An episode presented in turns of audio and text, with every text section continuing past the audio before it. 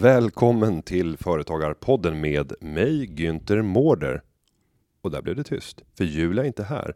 Eh, däremot så har jag en särskild gäst och det är Fabian Bengtsson. Välkommen! Tack så mycket! Nyvald eh, ordförande för riksstyrelsen i Företagarna.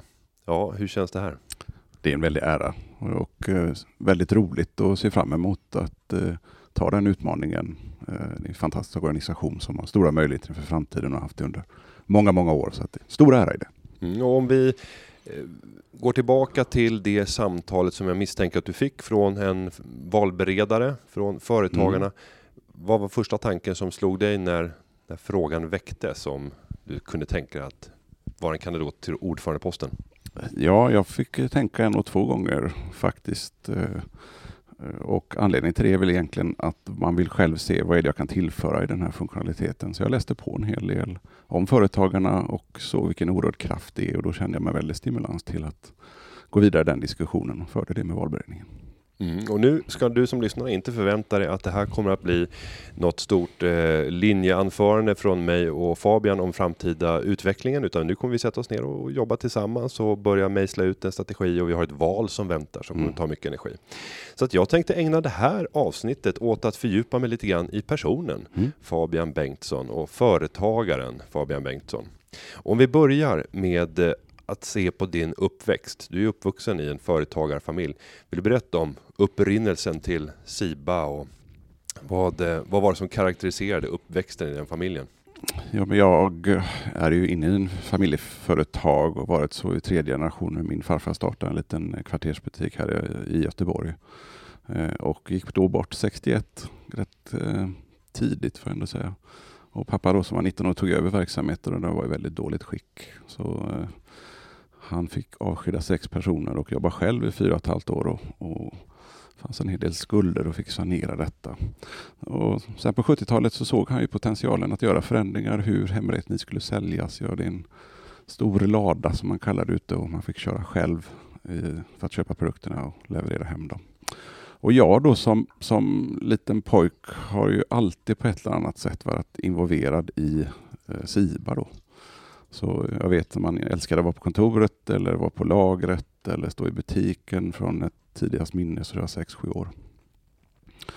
Och, och, det enda jag visste sen, jag läste i Lund i några år och då jobbade jag extra, så från när jag var 12 år fram till att jag var 19 så jobbade jag extra i butik och sålde en oerhört eh, lärdomresa. Men jag ville inte jobba med SIVA efter det, när jag var pluggat klart. Det var liksom mitt största mål där faktiskt. Säger man inte alltid så i, i familjeföretagare? man, man, man, jag kände att jag ville förändra världen. Herregud, jag skulle ut och resa och det sista jag ville. Men 1996 var inte helt lätt att få jobb heller. Så jag skickade ut mina CV där, men det var inte så många svar faktiskt. Och då, då ringde pappa mig en dag och sa att du, jag har det perfekta jobbet till dig. Du ska ha någon vitvar. Och det tyckte jag, herregud vad tråkigt. Så men, där, där, började livet? Där började livet. Och sen dess har jag jobbat med, med eh, en ganska utmanande bransch som har ändrat sig ganska kraftfullt under de senaste 15-20 åren.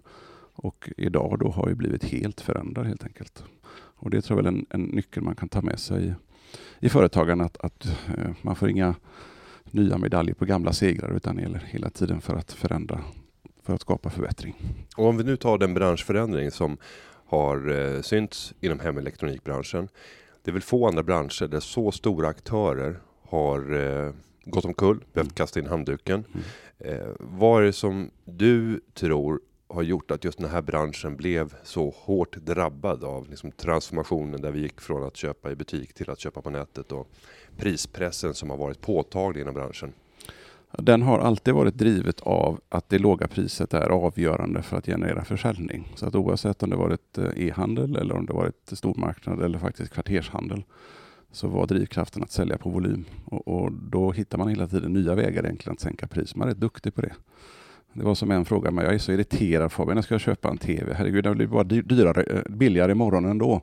Och då sa jag dagen innan den dör, du dör, då är den som billigast brukar jag säga egentligen. Men, men, mm. Eh, så eller så köper du den nu och så tänker du inte mer på det. Men anledningen att det blev så, det är en kombination av eh, sista tio åren. Internationell konkurrens kommer in i Sverige, har aldrig skett tidigare. Det är två stora jättar, Dixon Group och Mediamarkt möts på en och samma geografisk marknad kombinerat med detta med prisjämförelsesajter som slår igenom, där man på ett enkelt sätt gör det transparent för att se vad en vara ska kosta.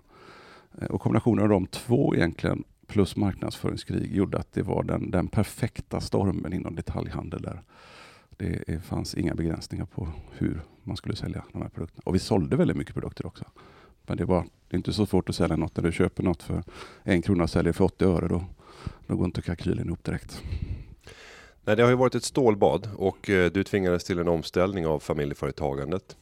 Eh, om vi nu ser dig som tredje generationens eh, Siba-företagare, kändes det inte tungt att behöva lägga ner verksamheten?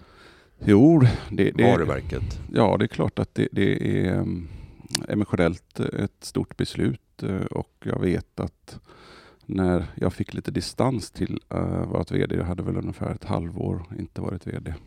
Man reflekterar över framtiden och tittar på den digitala transformationen som är där så så kunde man med stor sannolikhet driva två stycken olika koncept framåt under ett antal år. Men det blir utmaningar med det. Det är två organisationer, två IT-system, två olika personligheter som ska driva ett sätt och sälja exakt samma sak.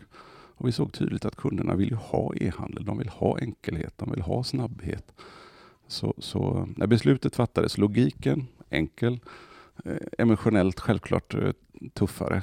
Men eh, jag kommer ihåg när vi pratade om det i familjen och pappa då som har varit väldigt engagerad 50 år i det här sa att ja men inga träd växer ut i himlen sa han. Det du säger låter väldigt eh, sant. Jobbigt men sant. Men vi har inte varit rädda för tuffa beslut hit så ska vi inte vara för framtiden heller. Men det hade skett andra beslut innan dess där ni hade tagit en ganska stor position under en lång tid i NetOnNet.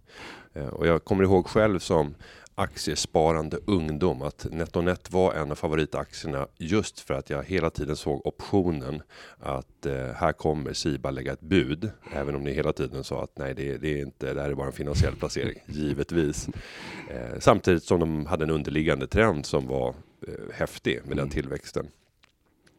Men hur mycket var strategiskt redan från början när det var intåget i, i NetOnNet? Hade ni redan då bestämt er för att det här kommer att bli vår, ja, vår, vår nya stora verksamhet över tid? Nej, det var det inte, utan det var en finansiell placering. Vi startade ju eh, internet redan 1997 på Sibas och NetOnNet startade 99. Men eh, vi såg ju inte den utvecklingen egentligen som jag trodde det skulle bli att sälja på nätet. Och då la vi egentligen ner vår satsning på Siba. För det trodde man, så här, men herregud, en, en TV måste man ju se bilden på. Den kan man inte bara köpa en kartong för det känns orimligt, för det var låg försäljning. Ett par procent utav omsättningen. Men efter 2001-2002 så såg något har hänt där och när Rosiba satsade på det och märkte att man inte fick bärighet och NetOnNet äh, eh, trampade framåt, då eh, valde vi att köpa in oss i eh, NetOnNet, men även andra bolag. Vi gjorde en vert vertikal integration där vi köpte ett servicebolag, vi köpte ett distributionsbolag och annat för att säkerställa eh, således att detaljhandeln kommer att vara den utsatta delen. Hur skapar man mervärde genom att ha en större del av kakan helt enkelt. Där NetOnNet var en pusselbit, men då såg vi att det fungerar bra. Sen när eh, 2010 kom och vi ägde 27 procent, för vi köpte ju successivt på oss aktier och det blev en dålig likviditet i den aktien dessutom, så den stod ju rätt mycket still. Då klev vi över den här 30% gränsen som är. Och det är klart att det är väldigt ovanligt att ett, någon som lägger ett bud som är 17% under egentligen dagskursen vid den tidpunkten eh, kanske vi inte trodde att vi skulle få hela bolaget. För det har ju aldrig hänt i historien att ett sådant bud har genomförts. Men jag kommer ihåg att när jag satt i bilen och så ringde då våran eh, rådgivare i frågan, Anna Svartling, och sa vad gör du? Jag kör bil. Då. Ja. Men stanna då, så ni har 90,2 procent av bolaget tror jag det var, eller 90,1.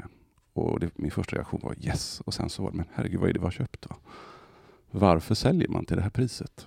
Och det fick jag ju varse om senare när jag såg att NetOnNet hade kommit in i samma problemställning, stora förluster, eh, hade inte riktigt fått ordning på helheten. Så de var ju sist in i det här problemområdet men kunde, var inte immuna mot den förändring som skedde. Och då fick man jobba rätt mycket. Mm. Kommer du ihåg eh, de eh, artiklar som eh, vi båda citerades i under den perioden? Ja, ja du var rätt aggressiv där Günther, det kommer jag faktiskt ihåg, eller hur? Du, du... Jag, röt, jag röt ifrån rätt rejält. Ja, det var vår första kontakt. Ja, ja. men, men det, det, det osagda ordet är ibland väldigt bra. Ja. Och vi uttalar oss ju inte någonting överhuvudtaget. Så att eh, Ja, nu är det ju vi som ändå äger NetOnNet. Mm. Så jag vet inte vem som hade rätt eller fel i frågan. Men det var ett tufft skick som NetOnNet lämnades över i. Det ska, och NetOnNet hade inte klarat av att göra den förändringen i egen regi. Det är jag i efterhand väldigt klar över. Mm. Men häftigt att kunna göra en omställning, Mm. tvingas lägga ner liksom familjeklenoden. Men lyckas tvingas. hitta- Vi gjorde ju det på eget beslut. De andra fick Men, ju had, tvingas. ja, men hade ni inte tvingats till det om ni hade väntat ytterligare år? Ja, det blir ju bara en förlängning Mm. utav det. Och där tycker jag att eh, vad vi har lyckats med under 67 år, det är ju faktiskt att hela tiden vara tidigt ute i en förändringsfas. Från man gick från en kvartersbutik till man går till en stormarknad, till att gå in i e-handelsstrukturen. Och vad framtiden är så, så har vi åtminstone modet att fatta tuffa beslut. Och det är emotionellt jobbigt och väldigt dyrt kan man väl säga. Mm. Eh, Företagarpodden finns ju till för att hjälpa företagare att bli mer framgångsrika, Mm. ge tips och tricks och skapa idéer kring hur man kan utveckla sin verksamhet bättre. Mm. Om du ser på den resa, din operativa resan Mm. i Siba, det som har hänt med, med NetOnNet, med alla kringliggande verksamheter som Mm. du har byggt upp också. Och du har inte pratat någonting om, om finansiering och, Mm. och försäkringsdimensionen, Mm. men, men den är också väldigt viktig för den här affärsmodellen. Vad är de summerande tipsen som du skulle vilja skicka med generellt kopplat till företagare? Vad är det som behövs för att lyckas i den här snabbförändliga världen som vi, som vi lever i? Ja, den sista tiden så är möjligheterna för den datainsamlingen som är att man har ju faktiskt väldigt mycket svar i vad kunderna redan har, har gjort. Och det tror jag många eh, kanske inte använder på rätt sätt på något sätt. Att man hela tiden försöker uppfinna något hjul igen. Utan det gäller att göra saker och ting lite bättre hela tiden. En stor Alexanderhugg i förändringar. Det är väl ett tips. Den andra är ju att, att om man har eh, anställda så, så måste man hela tiden jobba på att inte vara chef utan hur blir man en ledare egentligen och en drivare för framtiden och det har jag försökt att göra genom att mår man bra då presterar man bättre. Och, och eh, mitt sätt att vara det, det är att vara, lyssna, tillgänglig och, och väldigt tydlig på vad vi ska göra men aldrig säga hur vi ska göra det. Då får du engagemangsnivån tillsammans. Är man själv, för det är jag faktiskt också ett företag själv här nu, det, är- det, det är lite utmanande för då ska man ju vissla på väg till jobbet själv när man, när man går till kontoret. Uh, och det ställs väldigt mycket krav och där tror jag en av de största framgångarna för framtiden är hur får man fler att vilja bli just företagare? För det är väldigt utlämnande. Du är bara själv då. Uh, så det ska bli kul att få lära och lyssna på alla dessa medlemmar, hur de för det är en rätt ny värld för mig också, som, som har bara jobbat med det i ett år inom ett av bolagen som jag har. Då. Men om vi nu går till dagen och tittar på din situation. Hur ser en normal arbetsvecka ut och, och vad är det för uppdrag som, som fyller din tid i dagsläget? Ja, i- idag så sitter jag då i styrelsen i våra ägarbolag. Då det är Valdir och eh, då sitter jag i då NetOnNet eh, styrelse och även då Remvassen som är fastighetsbolaget. Eh, och sen så sitter jag externa styrelser i form av Axfood som är börsnoterat, eh, Svensk Fastighetsförmedling och även ett företag som heter Tipser AB som håller på med enabling utav webbhandel på ett intressant sätt. Eh, har kört ett antal år nu men har en oerhört intressant produkt. Företagarna Mm. blir en stor del. Men min vardag blir, jag jobbade kanske lite för mycket om jag ska vara ärlig, fram till 2015. Så jag har fått en bra disposition på tid nu att även kunna umgås med min familj och det uppskattar jag oerhört. Så eh, en i tillvaron på så sätt att kunna disponera sin egen tid. Och det låter verkligen som att eh, du gör det. För när vi har haft kontakt nu inför kongressen så är det en det ena, åka till tandläkaren med, med grabben eller vara på fotbollsträning Mm. eller, eller liknande. Du verkar vara högst delaktig i, i familjelivet idag. Ja, och det var jag inte i deras sju första levnadsår. Och, och det, den tiden kan man aldrig få tillbaka och därför så försökte jag, eller har nu tagit igen mycket och så växer ju de upp. Sen vill de ju inte se en antagligen om några år. Så, så eh, jag finner det oerhört eh, stimulerande och, och livsberikande att, att eh, ta tag i den delen innan det, de är för gamla. Men den sakens skull så har jag stort engagemang och möjlighet att frigöra tid för företagarna, vilket är viktigt för den framtiden. Mm. Att jag inte är operationellt eh, driven utan sitter på ett helt annat sätt idag och jobbar med strategiska frågor. Om vi tar livet ehm, och, och hur man disponerar det så möter jag ofta företagare som kommer upp till liksom 65-70 år och då brukar man höra dem uttrycka det du säger idag. Mm. Jag, jag sa det i, i mitt tackanförande till, till Monica som också nu tänker prioritera eh, familjen eh, i hög utsträckning för att kunna få mer tid. Och, och livet är någonstans större än näringslivet. Mm. Men du kom ju till den insatsen relativt mycket tidigare än Mm. de flesta andra. Du är nu 10 år äldre, ja, 72 Ja, precis. 45, Eh, fyller 46. ja. och, och att göra det när barnen fortfarande finns där. Mm. Va- vad ger du för tips till andra företagare som står inför en likartad situation där man jobbar väldigt mycket Mm. och eh, finns det en risk att eh, man kommer på för sent vad som egentligen är, är viktigt i livet? Jag tror det. Och det, då är det för sent att påverka den situationen. Ehm, det är svårt att generalisera här nu om, om du tvingas till att arbeta väldigt mycket till följd av att du inte har några anställda och det är liksom livsnerven att kunna utveckla en fritid och, och ett liv. Men här måste vi skapa förutsättningar för att de här som har få anställda får lite fler anställda för att kunna växla upp sin verksamhet för att själv kunna frigöra tid. För jag har märkt att jag, jag pratar alltid om kvalitetstid med mina barn när jag jobbade oerhört mycket. Att ja, men nu fokuserar jag på er en timme och det är inte det mina barn ville ha i alla fall. De ville ha den här generella tiden, att man bara hänger. Alltså sitta i en soffa och, eller stå bredvid fotbollsplanen eller att man faktiskt är med på en träning och sådär. Och då måste du frigöra tid. Och sättet att göra det som företagare idag är ju de facto att anställa folk på något sätt, utveckla din business och kanske också acceptera att det finns andra som kan göra jobbet bättre än du själv kan göra i ditt företag. Och det är oerhört stimulerande och jag har gjort det under 15 års tid och se hur människor växlar ut när de får ansvar och drivkraft och där du själv kan dra tillbaka ditt engagemang. Sen var det tråkigt när man slutade och ingen ringde. Då var- man inte mer betydelsefull ungefär. Men det var rätt skön eh, reality check också. Att det funkar rätt bra utan Fabian Bengtsson också. Men nu kommer jag ringa desto mer. Ja, ja, men jag är ganska övertygad Günther om att det handlar nog mer om att titta och göra en bollning på frågor snarare än att säga att vad ska Günther Mård göra för företagen? För det gör du väldigt väl. Mm. Så att, eh, Och du har ett företag idag Mm. som du också eh, har rådgivning inom till eh, kan man säga, medelstora företag som Mm. ska, står inför stora strategiska överväganden. Vad, vad är det du står till tjänst med i sådana lägen?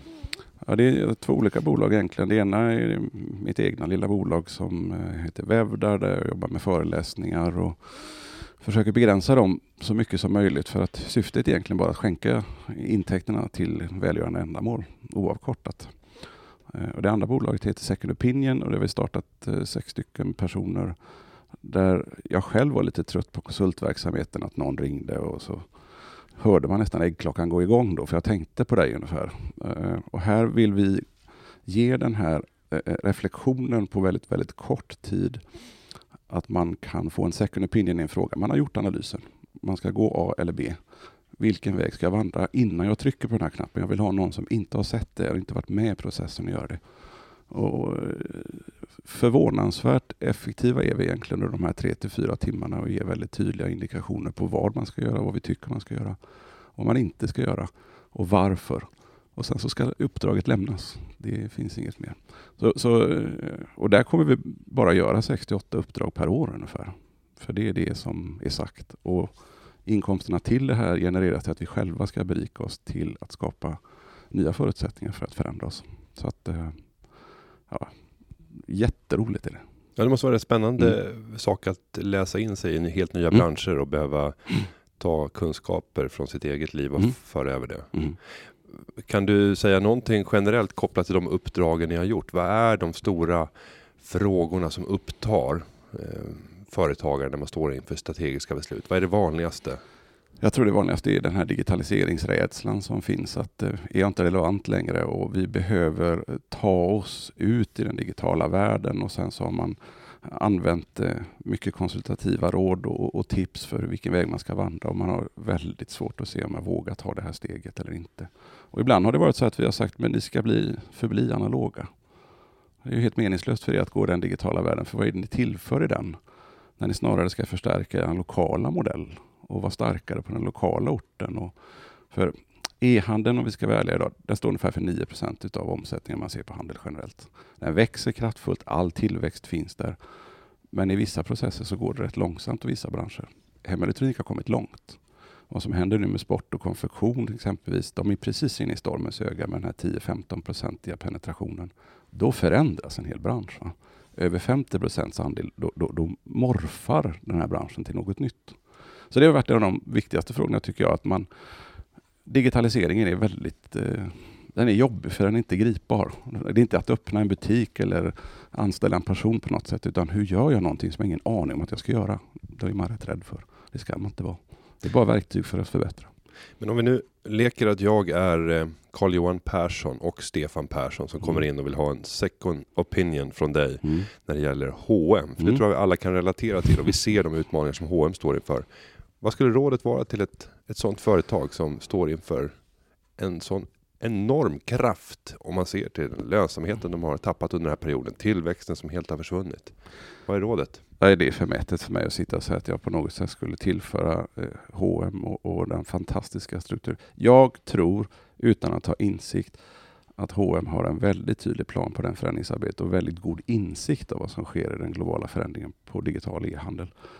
Så att eh, de får jättegärna ringa. Men, men, om vi går tillbaka och ställer frågan, vad tror du är skälet till att de befinner sig där de är idag? Vilka strategiska misstag eller senfärdigheter ser du som har lett fram till den situation som idag är utmanande för, för det bolaget? Tillväxten har varit driven genom att öppna nya butiker.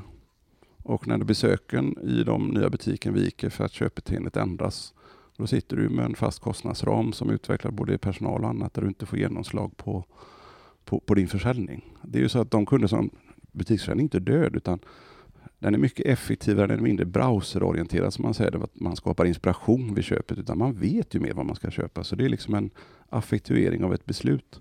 Och det beslutet har ju då flyttats bakåt i värdekedjan genom att det är på mobil eller eh, sin eh, desktop, padda.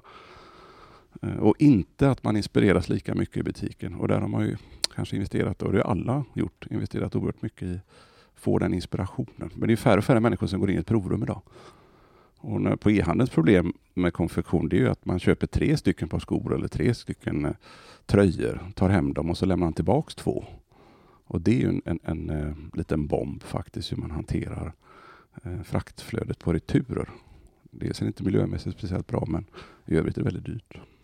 Men situationen i Hennes Mauritz, för jag misstänker att, att du skulle göra kopplingar över till det ni fick uppleva redan för tio år sedan. Mm.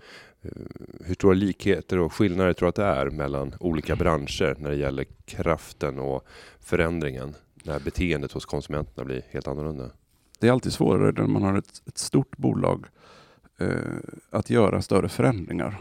Jag vet ju ett antal år sedan när jag själv tittade på H&M som kund att man inte kunde köpa ett par byxor online på H&M för att lämna tillbaka dem i butik. Och det var ju två olika IT-system som de hade då. De, de pratade inte med varandra. Och då blir det ju inte en sömnlös upplevelse. Det vill säga att herregud, varför ska jag inte kunna lämna tillbaka mina byxor i butiken om jag köpt det online? Och det har de ju rättat till, de här eh, småsakerna som jag kallar det egentligen, men som har stor effekt på kundernas beteende. Gör det enkelt att handla, gör det enkelt att returnera. Så, så jag kan aldrig jämföra H&M med elektronik. Det är ett fantastiskt eh, strukturbolag som har varit där som tvingas ändra sin affärsmodell. Att lösningen är inte nya butiker. Men sen är det ju, du kan ju öppna massa butiker utanför Sveriges gränser och ändå skapa tillväxten. Men, men eh, det kommer att bli en stor konsekvens, i alla fall med öppnandet av nya butiker när man bygger nya köpcenter och det inte kan generera värde för hyresgästerna i de här, inte kommer att acceptera de villkoren som finns där, för du har inte affärsmöjligheten att sälja. Där kommer, kommer stå rätt mycket tomma kommersiella lokaler i Sverige de närmaste 5 till 10 åren. Och det undrar jag om fastighetsägarna är införstådda på den förändringen. I podden nu så finns det säkert flera eh, som tänker att det här måste innebära affärsmöjligheter. Mm. Vad ser du som intressanta affärsmöjligheter om vi tänker en transformation där vi har närmast liksom katedralliknande eh, byggnader mm. i, i eh, ytterområdena till, till städerna som snart kommer gapa tomma. Vad är det man, tror du, kommer att vilja eh, uppleva som som människa i framtiden i den typen av lokaler? Hur kan man positionera sig? Nej, men du måste se mycket mer på tjänsteutbudet och det ser man ju tendenser till idag att man ska kunna träna eller man kan gå på bio och du skulle kunna köpa din färska fisk eller du kommer in och fixar dina naglar eller varför inte eh, få din bil servad. Eh, ett enkelhet för att vara ombud i ett köpcenter, bara det är ju fantastiskt att det inte existerar. Göra drive-in-lösningar för att hämta upp kartonger som är effektivt. Idag står man hos dagligvaruhandeln och väntar på tobakskvittot och sen är det någon som gör returer. Så det, här kommer hända en hel del och för kommersiella fastigheter och köpcenter så gäller det att tänka annorlunda, tror jag, att generera mervärdet att vara närvarande på något sätt. Lösa många av livsproblemen och skapa inspirationen på andra saker som mat och äta och eh, alltså, skojigt, eller vad nu kan tänkas bli, träna. Um, Medan då själva handeln kommer att minska betydelse. Den som förändrar det, jag har inte sett så mycket av den så länge i Sverige faktiskt. Och vi har, vi har inte sett i USA heller än, eh, trots att det har varit en omfattande död. De ligger före oss mm. när det gäller, även om e-handeln är, är, tror jag, rätt likvärdig mellan USA och men man kanske hade ännu mer eh, målkoncept med enorma eh, köpkomplex och då, ja, då slår det, det hårdare. Per capita så finns det väl dubbelt så många kvadratmeter i USA som det finns i Sverige. Och nu har du ungefär 25 procent av den ytan har ju stängt eh, i USA och de säger att ytterligare 25 procent kommer att stänga innan du får liksom en balans på eh, vad handeln faktiskt har. Så det är ju två delar. Det ena är köpcenter, det andra är centralhandel, mm, åka till New York. Och det är ju rätt fascinerande att se att det faktiskt börjar bli butiksstängningar på de mest eh, attraktiva high street-lägena. Men det går ju inte att hantera den hyresnivån som finns. Det, det är omöjligt. Så tar du bort kusten när USA, går in i landet istället och tittar. Där har du riktigt Men det sker även i UK. Alltså. Det, I England har samma sak. Alltså man kan vissa köpcenter så det växer ju eh, inte blommor, men ogräs där inne, för de har helt enkelt stängt ner. Vi har inte kommit dit i Sverige och vi har inte lika många kvadratmeter i Sverige för att göra det. Men vi planerar ju faktiskt att bygga 1,2-1,4 miljoner kvadratmeter till. Det är ju liksom en 10-15 mål av Scandinavia på, på, på, nya köpcenter. Och där tror jag man får tänka till lite grann om man ska vara både politiker och, och, och, annat. Och sen kan du väl omvandla en del av den här centrumhandeln där du har de här butikerna som är längst ner, kan de bli bostäder istället? Som inte är klassade för det idag. Och det tycker jag väl är rimligt nu när vi har en bostadsbrist och byggandet kommer att avta den närmaste tiden. Ofta fantastiska lägen, mm. nära kommunikativa mm. Eh, knytpunkter. Men fundera, du som entreprenör och lyssnare. Mm. Vad kommer det här föda för möjligheter? För sådana här stora samhällsomställningar mm. föder ju inte bara problem utan naturligtvis enorma möjligheter för den som ser nya nyttjandeområden och mm.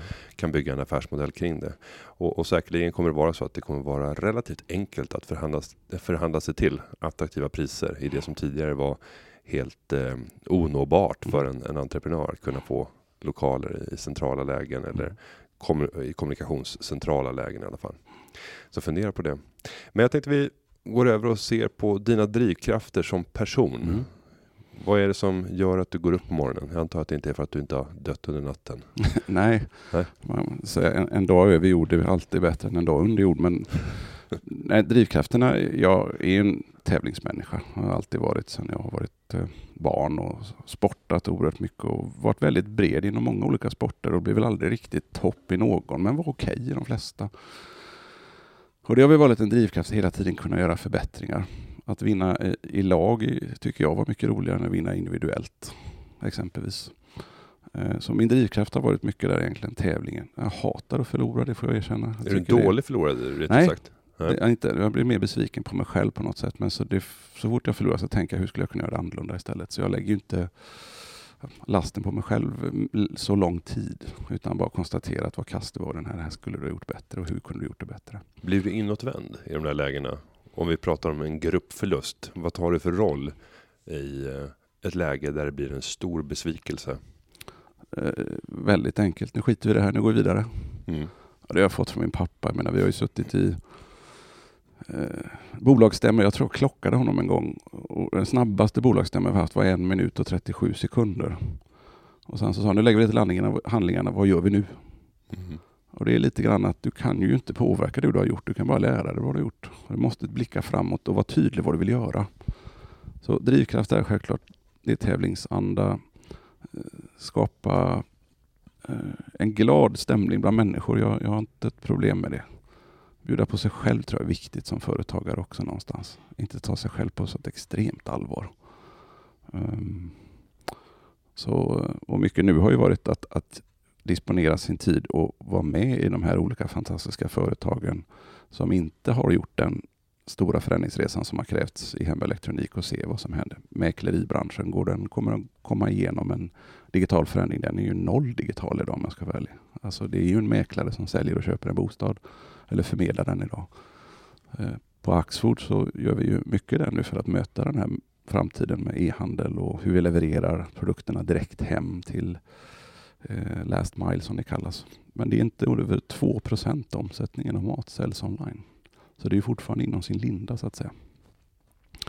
Så det är intressant att, att, vara med där man kanske också kan förmedla att vissa av de minerna som vi gick på behöver man inte gå på en gång till för det ganska synonymt vad som sker oavsett bransch. Och nu har vi pratat lite drivkrafter, om du ser till vad du skulle vilja att personer i din omgivning säger när de ska beskriva Fabian som person. Vad önskar du? Ja, det är ju jättesvårt att prata om. Man är inte Zlatan direkt liksom, utan uh, men jag tror driven och kreativ och, och uh, tydlig ibland, för det kan jag också vara. Sen kan jag vara kanske ibland lite väl övertygande. Ibland om man är sådär, man var så inställd på vissa frågor att jag har det här ska vi göra. Och, och sen så blir det inte så för man har analyserat de här idéerna och inte tycker att det är genomförbart på rätt sätt. Då kan jag vara rätt irriterad. Men, men jag släpper det direkt. Liksom. Jag, ni har ju rätt. Eller? Jag hade inte rätt på det här. Och de gångerna man gör fel, och det har ju hänt, herregud. Jag vet inte hur många misstag man har gjort själv i livet. Men det är det ändå du lär dig på. Har du bara framgång så blir du lat.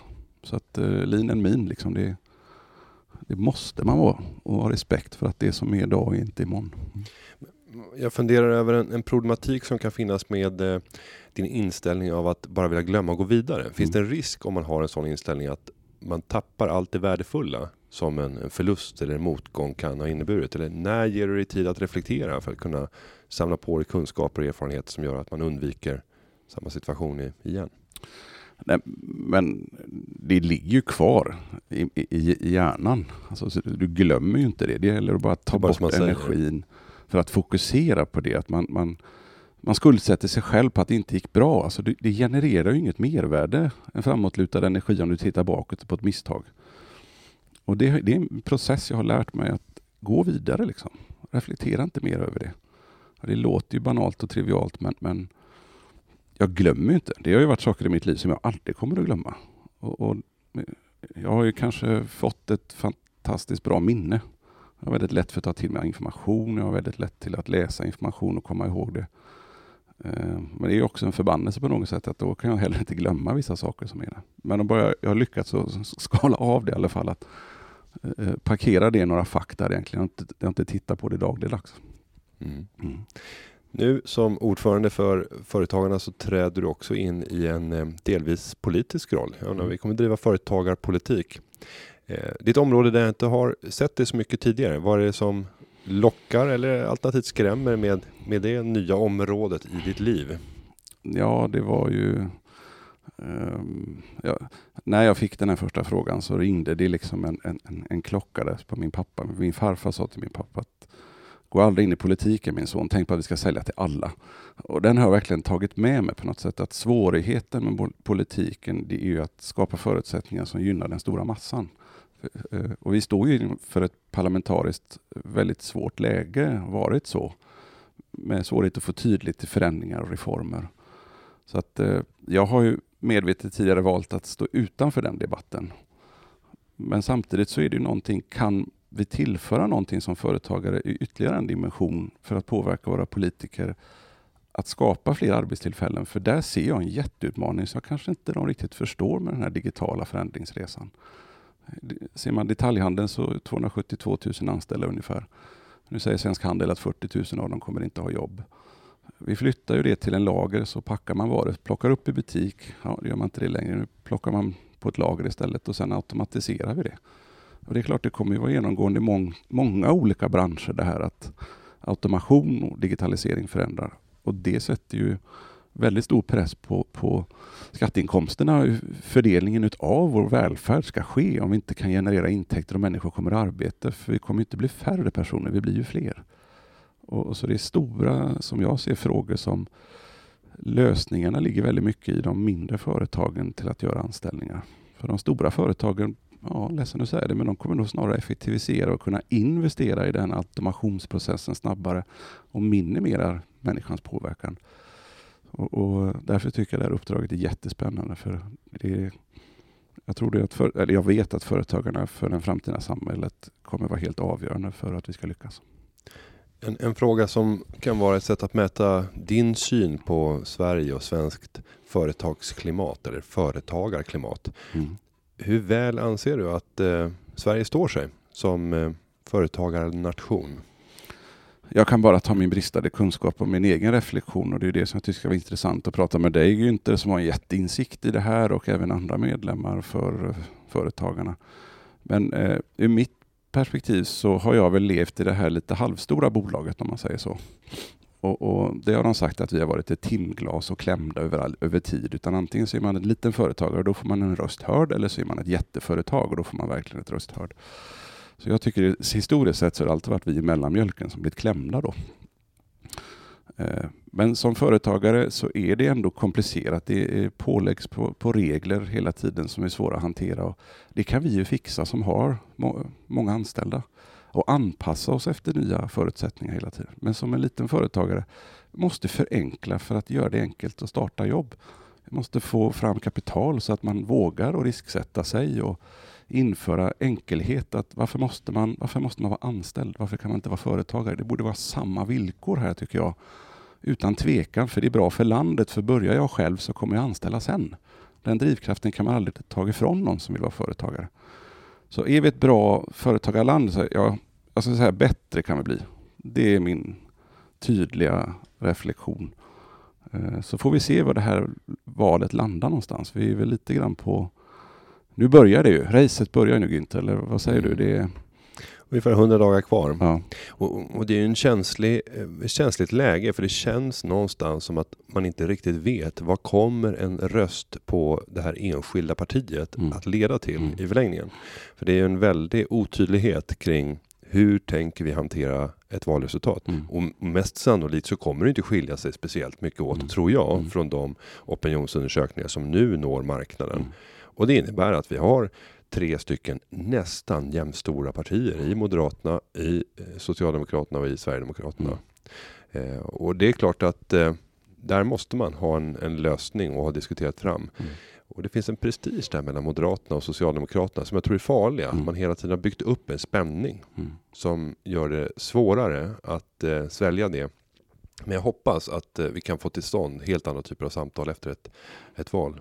Jag tror det är jag tror det är avgörande egentligen för Sveriges framtid att vi får eh, reformvillighet och att man vågar fatta rätt tuffa förändringsbeslut de närmaste fyra åren. För jag tror det här kanske blir en av de mest förändringsbenägna perioderna i Sveriges historia de närmaste fyra åren. För vi har aldrig någonsin gått igenom en lågkonjunktur och en digitaliseringsförändringsprocess samtidigt. Och, och, och de två kännbara förändringarna kommer att krävas oerhört tydligt politiskt engagemang för en viljeriktning och vad vi ska göra och då kanske man får sätta åt sidan meningsskiljaktigheter som har funnits där på gamla grunder. Så det hade jag väl sett varit en fantastisk möjlighet. Man får öppna upp och ja, man får lyssna på folket hur de har valt åtminstone sen sätta sig ner och, och lösa problemet. Men nu förmedlade du någonting där, eh, en kommande lågkonjunktur och det kan nog alla vara överens om mm. att ja, det är klart att det kommer efter sol kommer regn. Men Inom vilket tidsintervall gör du bedömningen att vi kommer att stå inför tuffare tider? Det lät som att det var närmare än vad olika politiska prognosmakare vill, vill göra gällande. Ja men titta på historien, vad sa vi 2007? Herregud, det här går ju som tåget och allting är toppen och det bara rullar på och bostadsmarknaden är solid och, och här finns väl inga problem och helt plötsligt så är det en global härdsmälta för att man hade lånat lite friskt. Vi har en hög utlåningsgrad i Sverige idag, men vi har en hög sysselsättningsgrad också. Och man vill inte inse så att, säga, att en, en, en regnig dag inkommer. Jag är nog ganska eh, pessimistisk faktiskt. Det där. Jag trodde att det skulle införas redan 2018. Att vi skulle se tendenser på det. Det kommer vi inte göra. Men jag hade varit väldigt förvånad om vi inte ser åtminstone andra året av 2019 till tydliga tendenser. Ett är ju nu byggandet minskar. Och, och, vi ser nu att du inte får samma bärkraft i en värdestegring egentligen. När du, spekulationen har försvunnit, reglerna har blivit tydligare. Man har tagit in att du behöver ha en viss inkomst för att kunna köpa och det tycker jag är bra för det, det inga träd växer till himlen även i fastigheter. Men det får ju en konsekvens i sig. Eh, när en sån sektor eh, börjar se att oj då, nu närmaste tre åren ska jag bygga följande bostäder och jag får inte attraktionskraften idag. Ja, då har du de som ritar de här bostäderna. Sen har du arbetarna kring och alla kring tjänster som är där många mindre hantverkare är ju omöjligt att få tag i en hantverkare idag om du vill göra befintliga reparationsjobb. Så det gäller ju att swappa om det här snabbt som attan, att man går från stor byggnad till mindre reparationsbyggnad. Och då förstår inte jag varför rutavdraget och rotavdraget har dragits ner. Så det tror jag är en av de första. Man måste höja per omgående för att skapa stimulans i en lågkonjunktur. Så vi inte får den här massflykten från stora byggnationer till mindre reparationer. Så det är väl en fråga man kan följa med där. Vad är problemet om jag ska vara ärlig? Den mm. fungerar ju. Den skapar ju vita jobb. Du skapar ju Keynes teori nästan för att generera eh, i en lågkonjunktur bättre förutsättningar för tjänsteutövning och intäkter till skatterna. Vi får se. Um det var en ganska dyster avslutning. Så att nu, nu står lågkonjunkturen för dörren, utvarna. Eh, nej, men jag delar nog din uppfattning. Jag hade nog trott att om du hade frågat mig för, för tre år sedan så hade jag nog trott att vi hade varit mitt uppe i en mm. lågkonjunktur nu.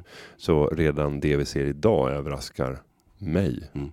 Men mot bakgrund av den expansiva penningpolitiken med minusränta när vi mm. samtidigt har en tillväxt på, ja, för något år sedan 4 procent och nu 2,5-3 procent det trodde jag aldrig var möjligt. Så vi får se. Jag brukar säga när, som Warren Buffett, när det är först när tidvattnet drar tillbaka som man ser vilka som badar nakna. Mm.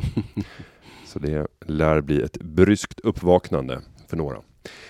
Med det så skulle jag vilja tacka dig Fabian för att du har tagit dig tid här och eh, gästat Företagarpodden. Jag ser mycket fram emot att få jobba tillsammans mm. med dig. Med det Fabian, stort tack och eh, välkommen in i Företagarna. Tack så mycket. Det ska bli kanonroligt. Ja, och vi hörs som vanligt nästa onsdag i Företagarpodden. Ha det så bra, trevlig vecka.